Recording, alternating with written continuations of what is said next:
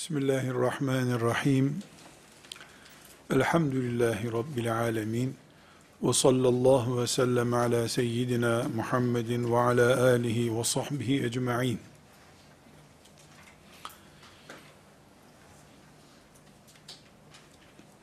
Bugün Meryem validemiz İsa aleyhisselamı tıpkı Kur'an'da anlatıldığı gibi doğuracak olsa, biz de namaz kılan Müslümanlarız. Oruçta tutuyoruz. Hac için Kur'a'ya da giriyoruz. Şimdi bir an iletişimimizi keselim dünya ile. Bu soruya cevap bulalım. Müslümanlığı Araplara bile bırakmayan iyi Müslümanlar olarak bizler, Meryem validemiz, İsa aleyhisselamı doğursa, İsrailoğullarına Allahu Teala'nın yaptığı gibi inanacaksınız. Bu sizin peygamberiniz dese inanabilir miyiz? Ebu Bekir radıyallahu anh'ı dinlerken gözyaşı akıtmak kolay. Her insan duygusaldır. Gıdıkladın mı gıdıklanır. Ağlattın mı ağlanır. Büyük konuşuyoruz kardeşler. Büyük laflar ediyoruz. Şu insanlık değil, bu doğru değil. Ben olsam şöyle ederim. Ebu Hanife şunu yanlış yaptı. Abdülhamid'in siyaseti doğru değildi. Konuşmaya geldi mi konuşuyoruz. E, süper de Müslüman olduğumuz için her türlü hakkımız da var konuşmaya. Ama bir sorunun cevabını arıyorum. Allahu Teala yüzde bin doğru olduğuna inandığımız bir imtihan yaptı İsrailoğullarına. Ne dedi? Bu Meryem babası olmadan İsa'yı doğurdu dedi. İsa aleyhisselam da kundaktayken konuştu. Ben bu kadının çocuğuyum. Peygamberim ben dedi. Aynı sahneyi tasavvur etmeye çalışalım. Bugün ümmeti Muhammed kalitesindeki imanımıza rağmen bir tefekkür edin İsrailoğulları niye inanmadı hainler? Demek çok kolay. İnanabilir miyiz? O teslimiyeti gösterebilir miyiz? Yoksa bunu tasavvufun safsataları diye bir menkıbe gibi başımızdan mı atarız? Hiç kimsenin birbirinin imanı hakkında konuşmaya hakkı yok. Gerek de yok. Buyurun, böyle bir mucizeyi kabul edecek kapasitemiz var mı? Bunu tefekkür edelim. Bunu nerede tefekkür edelim? Kendi kendimize. Bir ay, iki ay demlensin kafamızda bu. Böyle baştan savup, tabi kabul ederdim ya, hemen koruma olarak kendimi tayin ederdim ona filan demeye gerek yok. İnanacağımız şeyleri konuşalım. Yapabilir miydik? Değerli iman ehli kardeşlerim, neden böyle bir giriş yapma ihtiyacı hissettim? Yaşadığımız dünyada bu başımızda dönen olaylarda hep filan İslam toprağı işgal edildi. Filan yerdeki petrolleri çaldılar madenlerimizi kendilerine götürdüler. Müzelerimizi soydular diyoruz. Esasen imanımız açısından da işgal altındayız biz.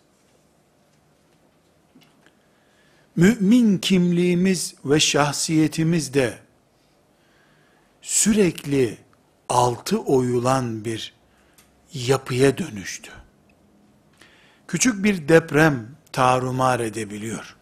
Çünkü altı oyuluyor sürekli. Miraç'tan geldiğinde Resulullah sallallahu aleyhi ve sellem Ebu Bekir, tamam hiçbir şey yok sanki o da oradaymış onunla gibi tasdik etti. Şimdi biz, hocalarımız bile, yoktur aslında Miraç, böyle bir şeye gerek yok filan diyecek hale geldik. Geldiler. Maazallah. Bir şeye dikkat çekerek konuma girmek istiyorum. Suriye, Irak, Filistin işgal edildi doğru. Kimi şehit, kimi gazi, kimi sakat kaldı doğru. Bunlar zaten çocukların da neredeyse hayvanatın bile anlayacağı şeyler oldu. İmanımızda da oynanıyor. Bu ahir zaman fitneleri imanımızı da sarsmaya başladı. Bunu onlarca örnek üzerinden tefekkür edelim. Bir tanesi de Meryem validemizin İsa aleyhisselamı doğurması olayıdır. Karşımıza çıksa ne yapardık? İsrailoğullarına lanetliler, vay nasıl böyle yaptınız demek kolay. Biz ne yapardık? O dev mucizeyi gördü İsrailoğulları. Olsa olsa Allah'ın oğludur bu dediler. Haşa. Haşa. Teala Allahu amma yüşrikun. Allah böyle şeylerden münezzehtir. Doğru dürüst bir çocuk doğurduğunu görmediği halde hatta belki de kısır olmuş çocuğu olmazlara uluhiyet atfediliyor şimdi. Böyle bir mucizeye gerek kalmadan bir postun üzerinde oturduğu için çok şirketi olduğu için de insanlara uluhiyet izafe edilebiliyor artık. Kur'an'ımız eğer onlarca ayetinde İsrail oğullarının e, İsa aleyhisselamı kabullenemediklerinden bahsediyorsa bu bir masal değildir. İnsan olarak genlerimizde bulunabilecek hastalıklara karşı teyakkuz işaretidir. Anlarız anlamayız herkesin kendi imanı ile ilgili. Bu bölümü kardeşlerim bir kenara koyalım. Meryem annemizi kucağında İsa ile görsek ne yapardık? Tapınsak helak olurduk. Vay işte tapındıkları gibi, kiliselere resmini astıkları gibi. Reddetsek helak olurduk. 11 kişiden biri olur muyduk kabul eden? Evet, sen normal bir insansın, bu da Allah'ın yarattığı normal bir çocuktur diyebilir miydik? Burada bir şeye dikkat etmek istiyorum, dikkat çekmek istiyorum dedim. Nedir o? İmanlarımız elde keklik değildir. Yahudinin Mescid-i Aksa'mızda gözü olduğu gibi, iblisin de imanımızda gözü vardır. Resulullah sallallahu aleyhi ve sellemin dışında herkesin imanında da gözü vardı. Ömer bin Hattab radıyallahu anh'ın imanında da gözü vardı. Bu hepimizin teyakkuzda olması gereken bir noktadır. Şimdi B paragrafına geçebilirim. Neden böyle bir giriş yaptığımıza dair. Aziz mümin kardeşlerim, İblis, lanetullahi aleyh, imanımızı alacak derken, sakallarımızı kesecek demiyoruz. Bizi Allah ile bağlı tutan bağlarımızı koparacak veya zayıflatacak demek istiyoruz. Bunlardan bir tanesi de bu dünyanın kıyametinin olacağına dair hissiyatımızdır.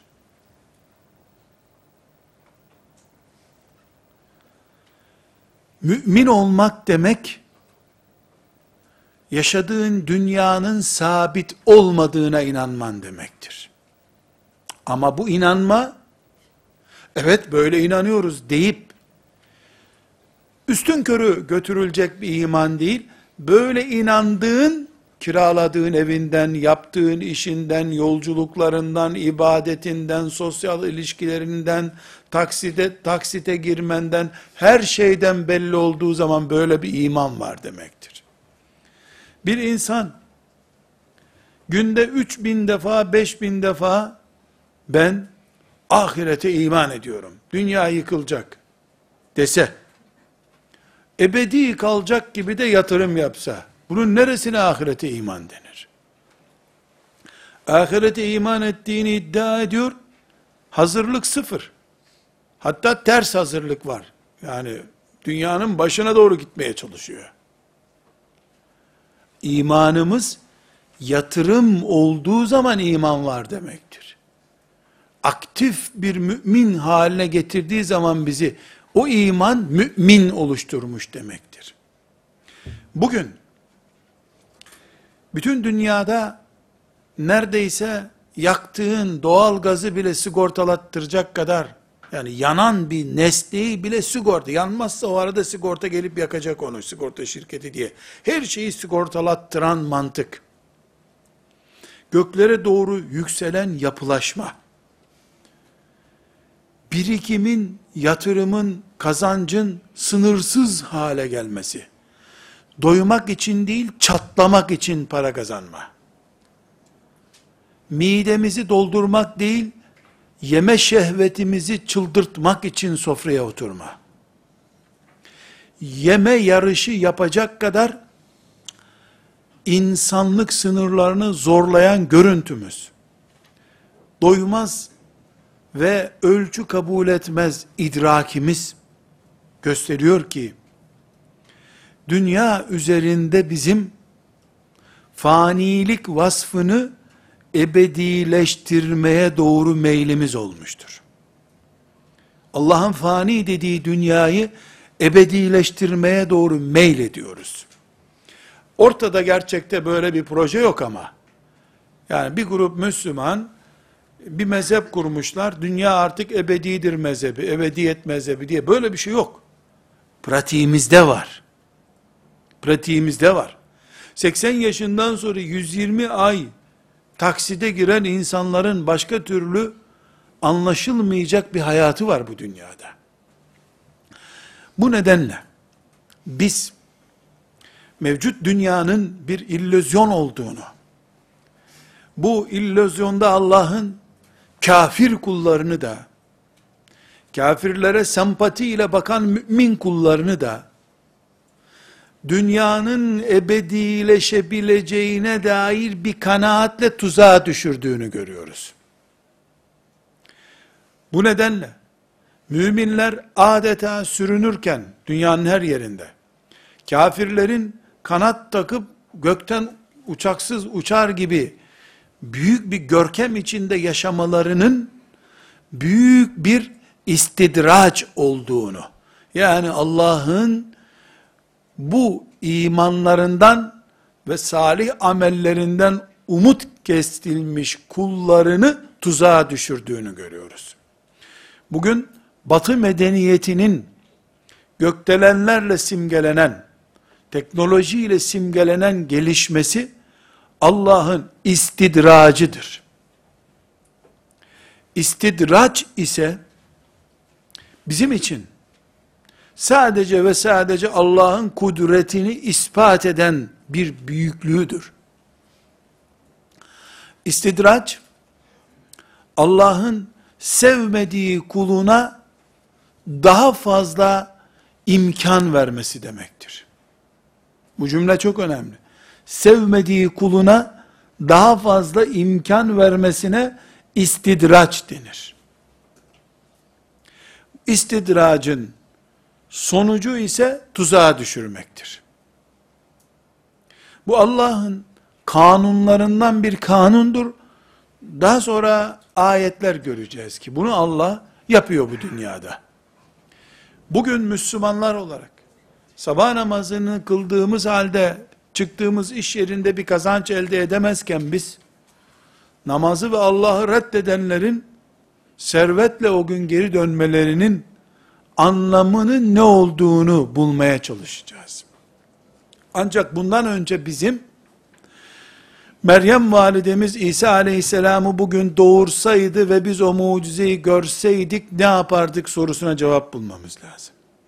Öbür türlü Meryem'in çocuğunu Allah'ın bir mucizesi olarak kabullenip başına tac edemeyecekler, bu ayetleri de kabul edemeyeceklerdir. Bu noktadan yola çıkarak kardeşlerim, mevcut dünya yörüngesini, yani şu Müslümanların bu kadar sürünüyor gibi görünmelerini, Müslüman kim değilse onun da keyfu sefa süren görüntüsünü anlamamız için bizim burada beş temel maddeyi çözmemiz lazım. Konumuza girmeden önce beş maddeyi çözmeliyiz. bir, bir kere biz dünyanın sonundayız. Başında değiliz. Biz Şiit aleyhisselam zamanında yaşamıyoruz. Nuh aleyhisselamın gemisinin karaya oturduğu zamanda değiliz. Artık hiçbir peygamberin gelmeyeceği, şurada fizyolojik olarak da dış görüntü itibariyle bile sonunun geldiği belli olan bir dünyadayız. Şurası delinir, burası delinir, iklimi değişir, suları kurur, suyu çekilir. 5 metreden su çıkardı, şimdi 50 metreden çıkıyor. Suyu çekilmiş bir dünyadayız biz. Yani ahirete dair dünyanın sonunun geldiği, kıyametin kopacağına dair aslında çok bir işarete de gerek kalmadı. Dünyanın sonunun nesillerindeniz. Bu bir. Bunun tartışılacak bir boyutu yok. İki, dinimiz, şeriatımız, Peygamberimiz aleyhissalatü vesselam, dünyanın başından bize bilgiler verdiği gibi, sonundan da bilgiler vermiştir. Ortasını da kendisi gösterdi zaten. Dolayısıyla yarın Müslümanlar olarak biz Rabbimizin önüne çıktığımız zaman bilmediğimiz, anlamadığımız, birdenbire karşımıza çıkmış bir süreç yaşadık filan diyemeyeceğiz. Niye diyemeyeceğiz? Çünkü Resulullah sallallahu aleyhi ve sellem Efendimiz hadisi şeriflerinde, Kur'an'ımız ayetlerinde bize dünyanın başından da sonundan da haber verdi. Bugün şu teknoloji de dahil, şu teknoloji de dahil, Resulullah sallallahu aleyhi ve sellem ana hatlarıyla şu dünyanın mevcut görüntüsünü 1400 sene önce tarif etmiştir. Teknolojik işaretler de dahil. Bu nedenle eğer biz bir bilgi eksikliği yaşıyorsak bu dinimizin bizi bilgisiz bırakmasından değil, bizim dinimizin bize öğrenin dediği şeylerden yoksun bir hayat yaşamamızdan dolayıdır. Eğer bugün batı medeniyeti başımızı döndürüyorsa bizim, yani midemiz bulanıyorsa onlara ait ihtişamı seyrederken konuşurken, bu bizim çok çorak bir arazide yetişmiş olmamızdan değil, dinimizin bize vermek istediği bilgileri alma kabiliyetimizin olmayışındandır.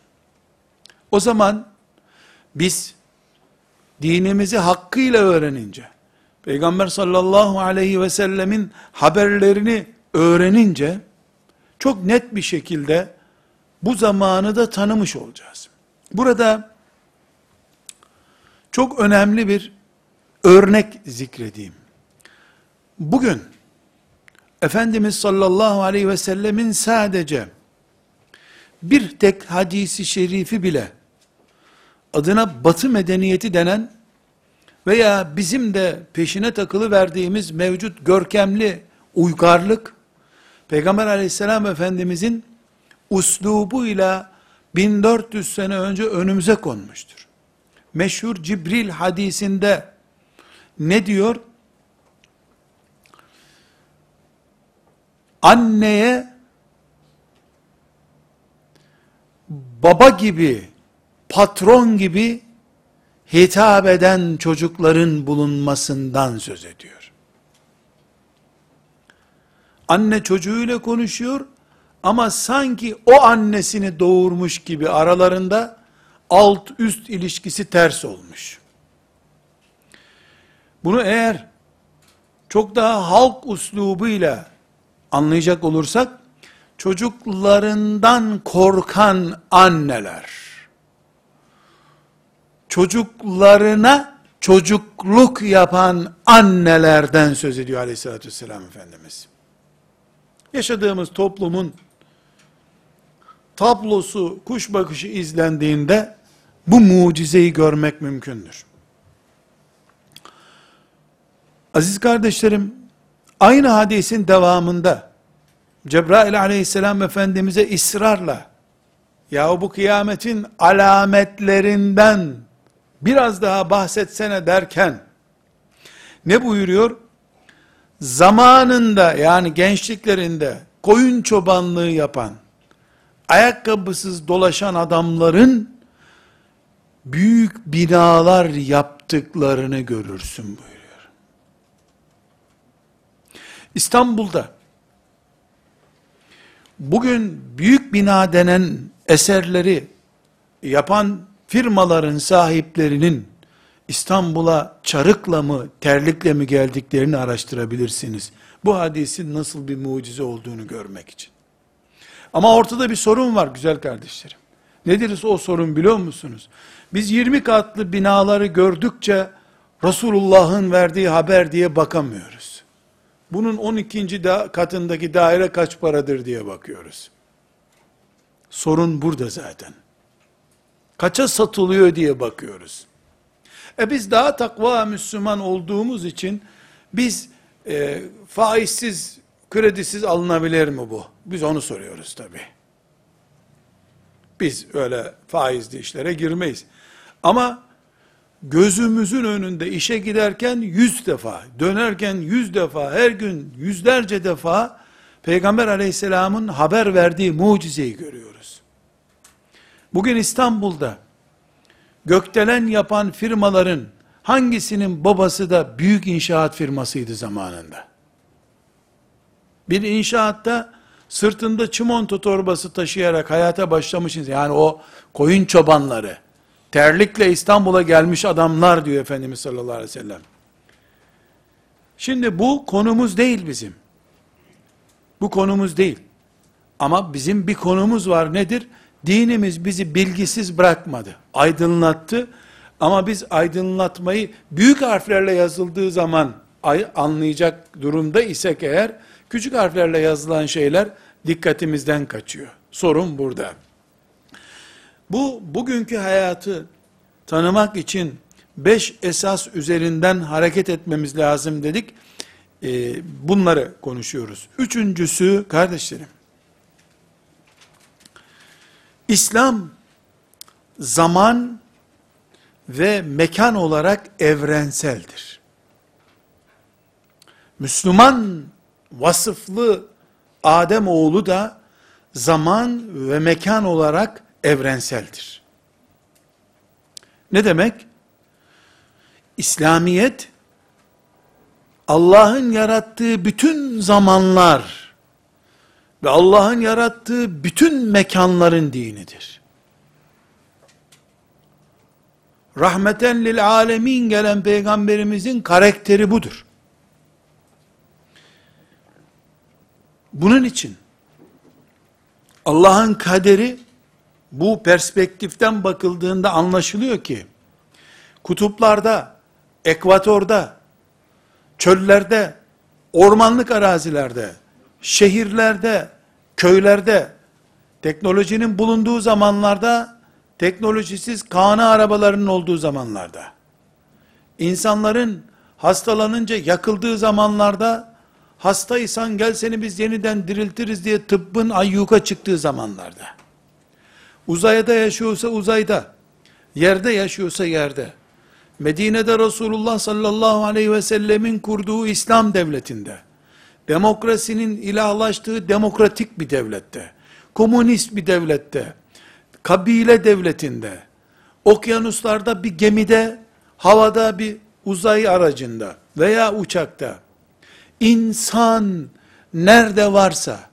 hangi zamanda yaşıyorsa, hangi mekanda yaşıyorsa, hangi sistemde ise, bütün zamanlar, bütün sistemler, bütün ırklar, bütün mekanlar ve bütün fırsatlar ve bütün avantajlar ve dezavantajlar, olumlu şartlarda, olumsuz şartlarda, kıyamet günü Allah, yarattığı yüzlerce milyar kulunu, mahşer meydanında toplandığı, topladığında, Medine-i Münevvere'de Mescid-i Resulullah'ta namaz kılıp gelenler, Mescid-i Resulullah'ın kıymetini bilemeyip münafık olarak bölünüp gelenler, Resulullah sallallahu aleyhi ve sellemin mübarek torununun kanlı cesedini görüp İslam'dan soğuyup kaybolup cehenneme gidenler, o kanı akıtıp cehenneme gidenler, Resulullah'ın torunu öldürülse bile Resulullah'tan kopmaz imanını ispat edip gelenler.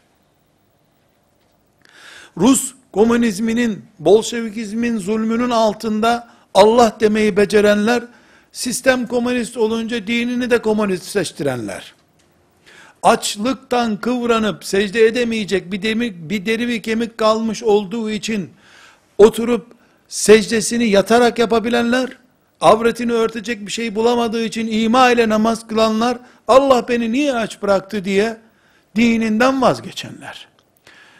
Parasını koyacak yeri bulama, bulamayıp hepsini Allah için verecek kadar cömert müminler, kulluğundan taviz vermeyenler ama parayı bulduktan sonra Müslümanlığı fakirlerin dini zannedenler.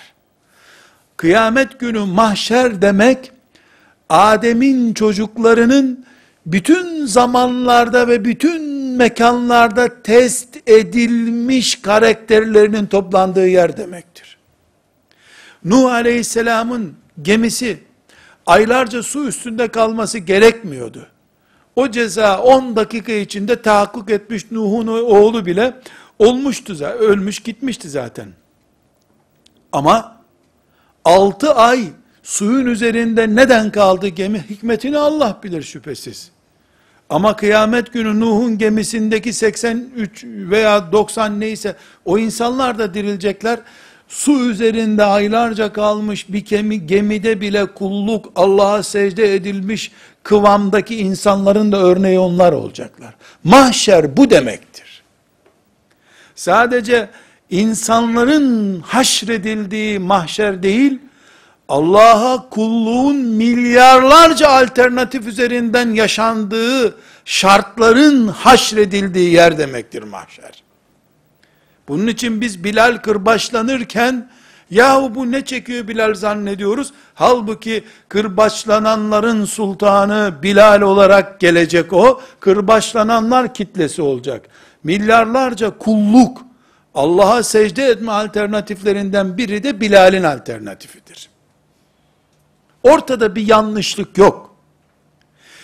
Bu zamanın müminleri olarak da Meryem bugün çocuğunu önümüze getirse ve o, o İsrail oğullarına anlattığı şeyleri bize anlatsa, şu teknolojinin, şu demokrasinin, insan hakları vesaire hangi safsatayla bizi 50 senedir beyinlerimizi çürütüp defolu beyin haline getirdilerse, bütün bu, bu manzaradan sonra Allahu Ekber, Allahu Ekber, topraktan yarattı Allah da babasız yaratsa ne olur deyip iman edebilecek kapasitede kalacak kadar medyadan, iletişimden, cep telefonundan, internetten etkilenmemiş müminler 2015 yılında diye mahşere gelecek. Medyaya dayanamayan kandil gecesinde mümin olarak kalanlar diye farklı bir mümin grubu gelecek. Dolayısıyla Bilal'in kırbaçlanmasıyla bizim cep telefonlarımızdaki veya diğer cihazlarımızdaki frekanslar aynı şeylerdir. Çünkü Bilal'le beraber kırbaçtan korkan pek çok kere Ebu Cehil'in kölesi olarak cehenneme yuvarlanıp gittiler.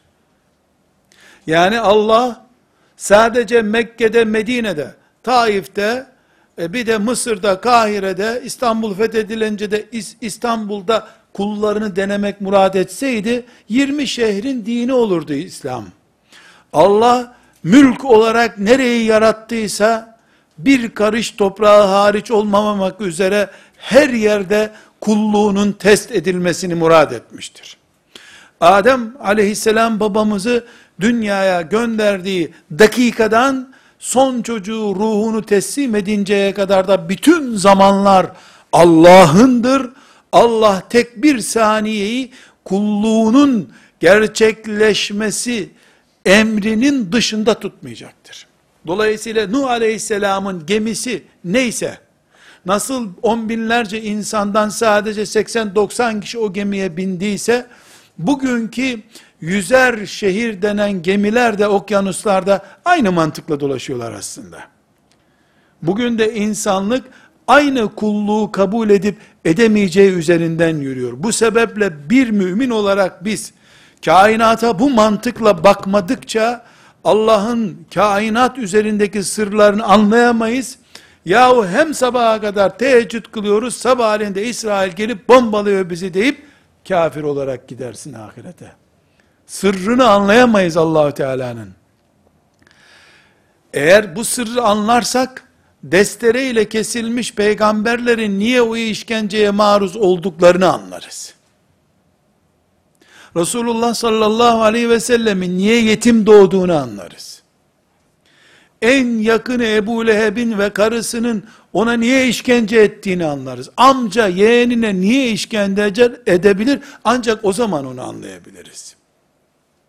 Bugün bugün bu dünya üzerinde tek bir saniye filan yerdeki olay yanlıştır. Bu olmamalıydı dediğimiz an o saniyenin ve o mekanın 10 santimetre kare yer bile olsa Allah'ın kabzasının yani kudretinin dışına taştığını, Allahu Teala'nın oraya hükmedemediğini söylemiş oluruz. Maazallah, Tealallah.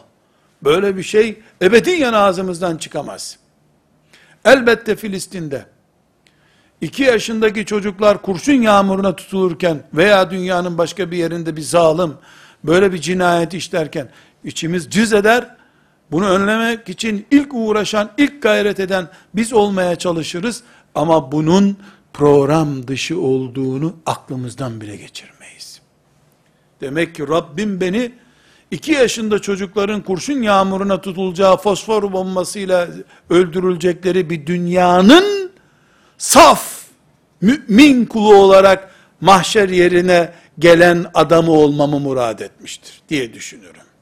Mahşer yerine dönüp de mahşer yerini bu projenin mekanı olarak gördüğümüz zaman sadece insanlar değil, ilk insandan son insana kadar bütün zaman ve bütün mekanların ayrıntılarının haşredileceği yer olarak gördüğümüz zaman mevcut dünyada biz kendimizi süper imkan, süper iman ehli olarak görmeyi de tadarız.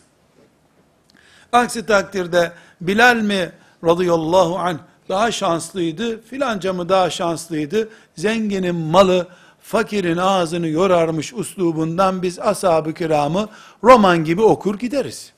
Ashab-ı kiram o zaman zenginin malını anmak gibi anılır içimizde. Zenginin malını saymak, fakirin ağzını yorar, çenesini yorar, başka bir işe yaramaz. Biz bu zamanın müminleriyiz.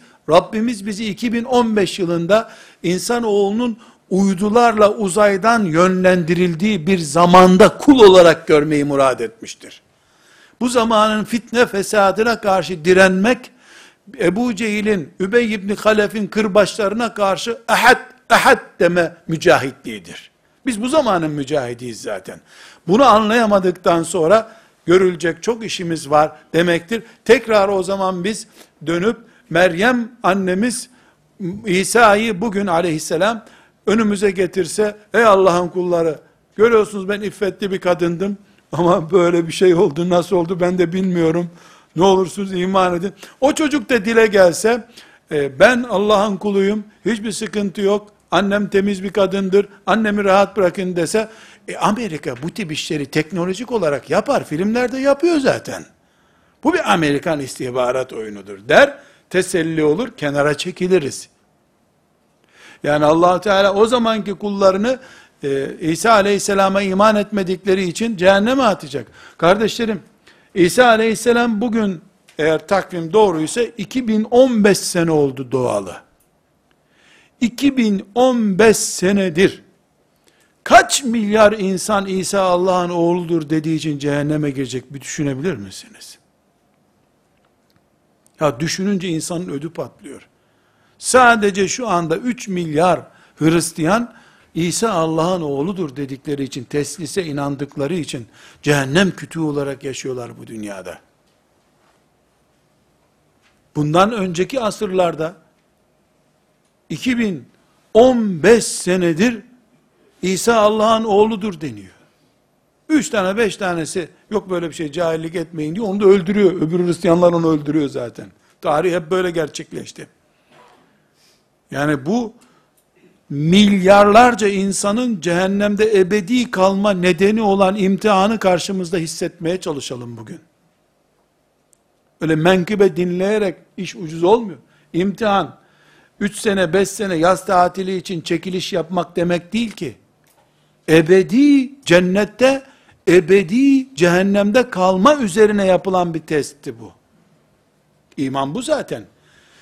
Üçüncü maddemiz bu, bunu unutmuyoruz. Mahşer yeri, trilyonlarca alternatiflerin, trilyonlarca toprak örneğindeki mücadelenin haşredildiği yerin adıdır. Sadece doğan çocukların toplandığı bir sıra bekleme yeri filan değil, daha büyük görmek zorundayız mahşer yerini. Dördüncü noktamız, bugün biz, kendimizi İsa aleyhisselamın dönemindeki müminlere benzettik. Benzettik inşallah ispatımız ve gayretimiz de benzer Rabbimin lütfu keremiyle.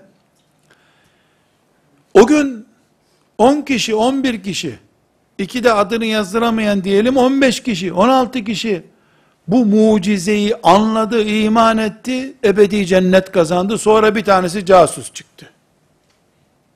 O da döküldü.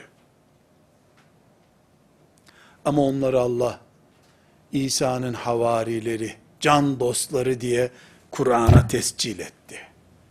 Kur'an adamı oldular. Az olmuş olmaları kazançlarının da büyük olma nedenini getirdi beraberinde. Bugün bizim aynı mucize ile karşılaşacak olsak böyle bir şey olmaz daha. Çünkü peygambere iman yok. Yani bir varsayım olarak bunu bir ihtimal örneği olarak konuşuyoruz. Bugün aynı şeyle karşılaşacak olsak biz, ne yapardık üzerinden yürüttüğümüz fikrimizde, şu noktaya geliyoruz. Demek ki bugün biz, insanlığın milyarlarca kere bocalayacağı bir dönem yaşıyoruz. Eğer Allah, lütfu ile ve keremiyle, bizi La ilahe illallah Muhammedur Resulullah diyen, Kur'an'ı, kitabı kabul eden, şeriatını sistem olarak kabul eden, bir iman ve idrak sahibi olarak yarattıysa Allah, biz de bu süreç içerisindeysek, bu süreçte aldanmayalım, tuzağa düşmeyelim diye çalışıyorsak, aman iki insan daha bu tuzağa düşmesin, kurtulsun diye gayret ediyorsak, bunun için vakıf kurduysak, dernek kurduysak, bir şeyler yapıyorsak eğer, kesinlikle, dördüncü maddede diyoruz ki, kesinlikle, bu, mesaisi yazılacak şeydir. İman yevmiyemiz yazılacağı gibi, fazladan mesai yaptığımız için, çünkü fazladan mesai yapmadan bu zamanda kurtulmak mümkün değil, mesaimiz kat kat verilecektir. Bunu nereden biliyorum? Defalarca dinlediğimiz hadisi şerifte Efendimiz sallallahu aleyhi ve sellem bu fitne fesat zamanını nasıl tarif ediyor? Ah benim kardeşlerim diye içlenişini hatırlıyor musunuz? Ah benim kardeşlerim. Beni görmeden sadece getirdiğim kitabı okuyarak bana iman edenler hadislerimi dinleyerek bana iman eden kardeşlerim var ya, bu dönemin Müslümanları için, fitne fesat döneminin Müslümanları için, yani bu çöplükte açan çiçekler, bu zor zamanda erimeyenler, bu güneşin altında don, donuk kalmayı becerebilenler, ashab-ı kiramla ölçüm yapılarak ellisine muadil kabul ediliyor.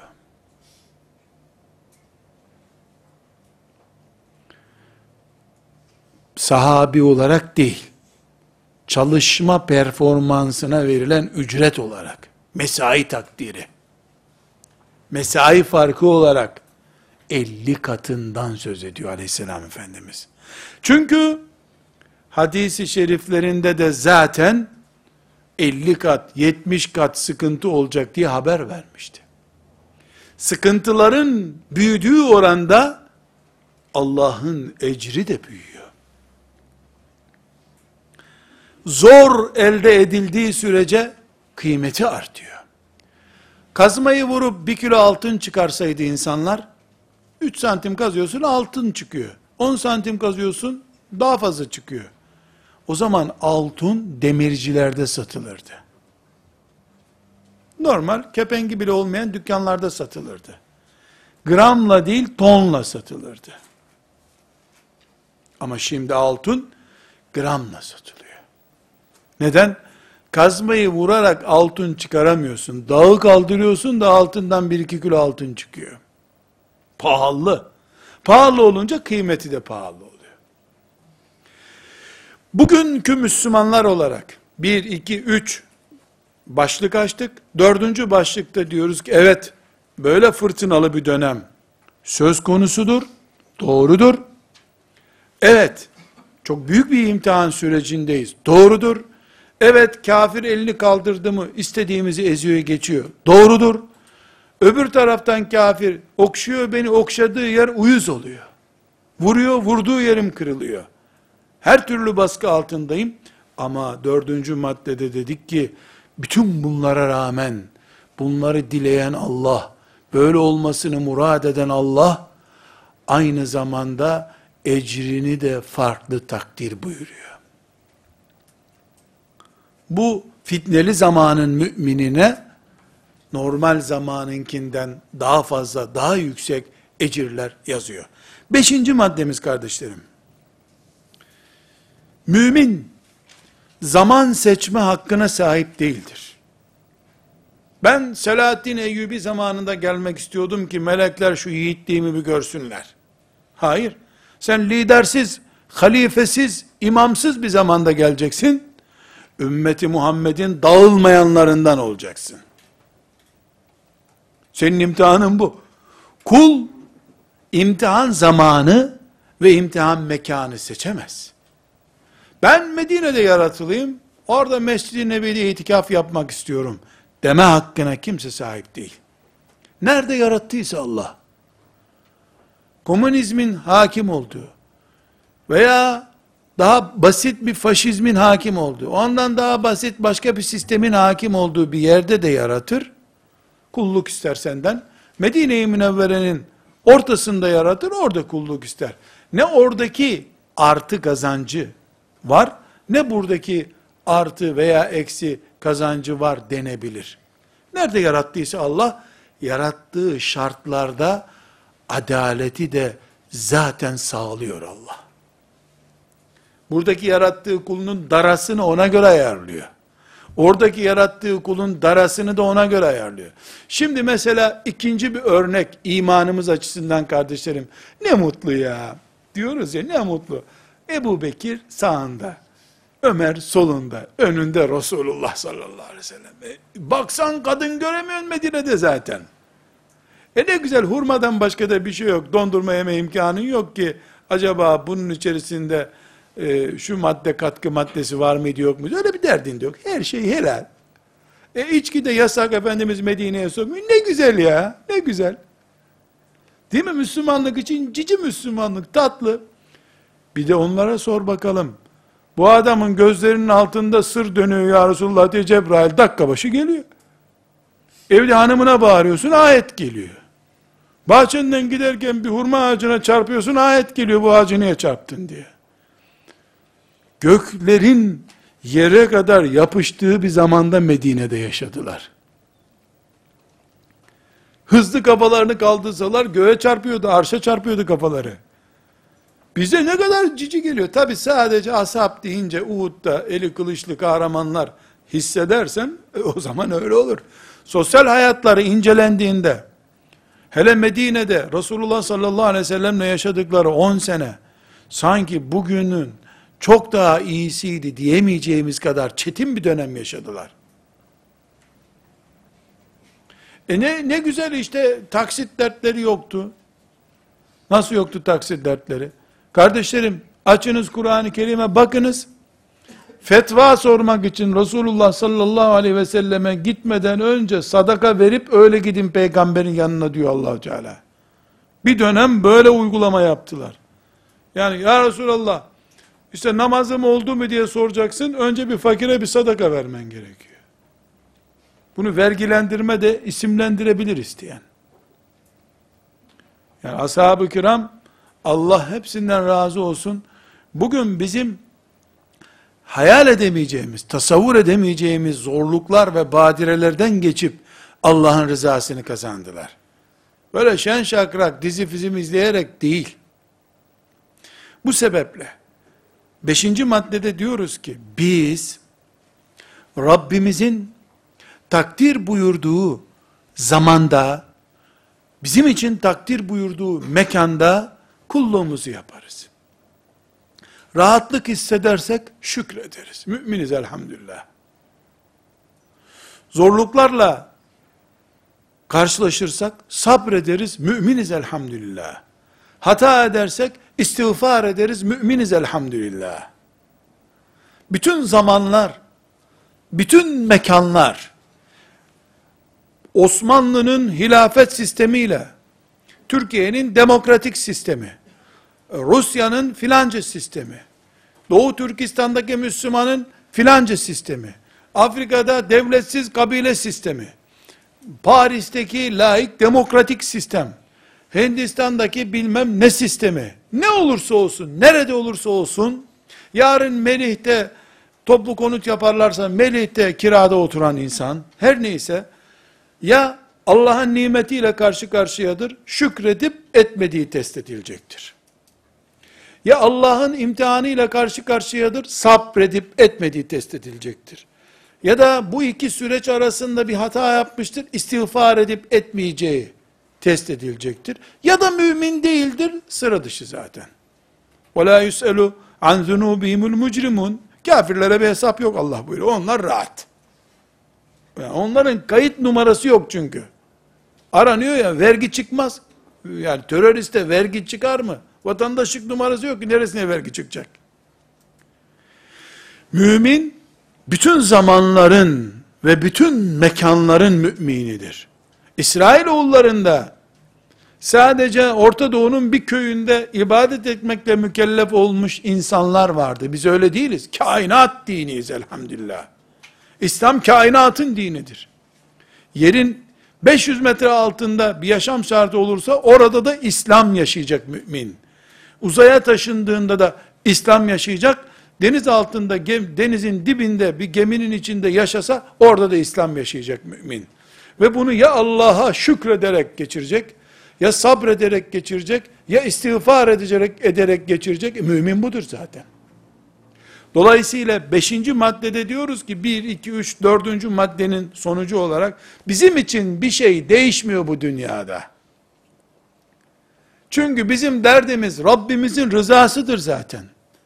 Eğer bunu biz Sultan Fatih'in İstanbul'u fethedip Topkapı Sarayı'nın önünde oturup çağırın bu müminleri hepsine birer ayran ısmarlayayım dediği zamanda yaşasaydık Resulullah sallallahu aleyhi ve sellemin arzusunun gerçekleştiği bir zamanda hem küp küp ayranımızı içerdik hem de Rabbimize şükrederdik. E şimdi bira fıçılarından doğru dürüst yürüyüp gezemediğimiz Topkapı Sarayı'nın önünde ya da caddelerinde sabrederek, içimize basarak tekrar ayran içeceğimiz o mutlu günümüzü özleyerek ve onun için çalışarak geçiririz. Sabır kazandırır bizi bu sefer. Gafletle geçirdiğimiz bir 50 senemiz, 80 senemiz varsa onun için de istiğfar ederiz, hareket ederiz. Ölüm yok. İslam ölmez. Müslümanlık öldürülemez. Çünkü Müslümanlık sadece Afrika'da ekvator şartlarında yaşanabilir bir din değildir ki onu kuzeye gelince ölsün. Bütün zamanların dinidir. Sadece kuzey ormanlarında yaşayabilir bir mahluk değildir ki İslam. Bütün kainatın, havanın olmadığı yerde de İslam yaşanır. Çok rüzgarlı bir yerde de İslam yaşanır. Burada kardeşlerim, Bukhari ve Müslim'in rivayet ettiği bir hadisi şerifi sizinle paylaşacağım. Bukhari ve Müslim bizim için ne anlam ifade ediyor? Benim için ne anlam ifade ediyor mesela? Şu anda hayali de olsa canım Resulullah'ı aleyhissalatü vesselam konuşurken dinlediğimi hissediyorum. Bu hadisi şerifi Huzeyfe radıyallahu anh, Huzeyfe tübnül Yemen radıyallahu anh naklediyor. Sanki Huzeyfe'yi önünde oturmuş da elinde de not defteri var ya da ses kayıt cihazı diyelim bugünkü şartlarda olsun. Böyle güzel kaydediyor. Buhari de onun arkasında ne demişti sana diyor not tutuyor. Böyle görüyorum elhamdülillah. Ben böyle inanıyorum böyle cennete gireceğim. Rabbimin lütfuyla. Böyle olmazsa ne olur? Olması olmasın. Benim bir zararım yok ki. Benim bir zararım yok. Ama böyledir de ben böyle değil dersem yandım alimallah. O zaman o zaman kavruldum işte. Kardeşlerim Bukhari'de 3606. hadis-i şerif. 7084 numarada da tekrar ediliyor. Müslim'de de 1847. hadis-i şerif. Bu tür hadis-i şeriflere muttefakun aleyh hadis diyoruz. Yani Bukhari ve Müslim beraber rivayet. Biri rivayet etse bizim için yetiyordu. İkisinin de aynı noktaya ulaşmış olmasını daha güçlü bir bilgi olarak kabul ediyoruz. Bu hadisi şerif uzunca. Ben bu hadisi şerifi beş maddede yorumladım. Beş maddede yorumladım. Yani bu saydığım 1, 2, 3, 4. hadis-i şerif, bu hadisi maddeler, bu hadisi şeriften esinlenerek ortaya çıkardığım şeyler oldu. Diyor ki Huzeyfe radıyallahu anh, Resulullah sallallahu aleyhi ve selleme gelir herkes, müspet şeylerden sorardı. Şu nasıl oluyor, bu nasıl oluyor, cennet nasıl sorarlardı. Bense, içimde bir ürperti vardı, kötülüklerden korkardım. Ben de hep kötülüklerden sorardım. Yani dert konuştururmuş ya insanı. Bunun da içinde bir dert var. Acaba dünya ne olacak? İmanım ne olacak? Bu dertlerimden dolayı ben hep o konuları konuşurdum. Diyelim ki negatif konuları. Bir gün bakın ne konuşmuş Huzeyfe radıyallahu anh. Ömer bin Hattab diyor ya bir oda dolusu adam lazım bana. O bir oda dolusu dediği adamlardan birisi Huzeyfe radıyallahu anh. Bir gün demiş ki ya Resulallah biz cahiliye hayatı yaşıyorduk. Allah lütfetti. Bize ne güzel İslam geldi. Bu İslam'dan sonra tekrar o kötü günler gelir mi bir daha? Acı günlerimiz olacak mı bizim Müslümanlar olarak? Evet, olacak buyurmuş. Peki ya Resulallah, o acı günlerden sonra tekrar bugünkü İslamlı günler gelecek mi? Evet, o da gelecek buyurmuş. Ama bu sefer sorunlu gelecek. Problemli olacak buyurmuş. Peki ya Resulallah problemden ne kastediyorsunuz? Ne demek problem? Buyurmuş ki benim bıraktığım sünnetimin dışında bir yöntemle başınızda hükümran olanlar olacak. Peki ya Resulallah, ondan sonra kötü döneme tekrar dönülecek mi? Çünkü tekrar tabloyu alalım, burada nokta koyalım, devam ediyor onun sözü. Cahiliyeydik, İslam olduk. İslam'dan sonra kötülük gelir mi? Gelir. O kötülükten sonra tekrar İslam gelir mi? Gelir ama sorunlu gelir. Nedir bu sorun? Beğenmediğiniz, başınızın belası olacak, sünnet dışı yöntemlerle gelecekler. Peki, ondan sonra tekrar kötülük gelecek mi? Çünkü bu gelecek bulanık, sorunlu gelecekti. O sorunluyu açıklamıştı. Kötülük tekrar gelecek mi? Gelecek buyurmuş. Tekrar kötülük gelecek. Peki bu tekrar kötülük nasıl gelecek ya Resulallah? Sizi cehenneme sürüklemek isteyecekler. Sizi cehenneme sürüklemek isteyecekler. Sizin gibi insan, sizin konuştuğunuz dili konuşacaklar ama cehennem bekçiliği yapacaklar. Doğurduğu çocuğun Müslüman olarak yaşamasından İstanbul'da Müslümanın korkması bu işte. Her şey cehenneme davet ediyor çünkü. Peki ya Resulallah, ben bu buyurduğunuz hastalıkla karşılaşırsam, yani herkesin cehenneme koşuşturulduğu bir dönem gelir beni bulursa, ne yapmamı emredersiniz? Huzeyfe sormuş. Buyurmuş ki, böyle bir döneme rastlarsan, müminlerin bulunduğu yerde, müminlerin halifesinin bulunduğu yerde bulun. Dağılırsa ya Resulallah, böyle bir derdi yok insanların, böyle bir şey olursa, ne olacak peki? Fe in lem yekun lehum cemaatun ve la imamun. Bir vakıf kurup bir araya gelmiyorlar. Müminlerin bir emiri de yok. Ne yapayım? Fe in lem yekun lehum cemaatun ve la imamun.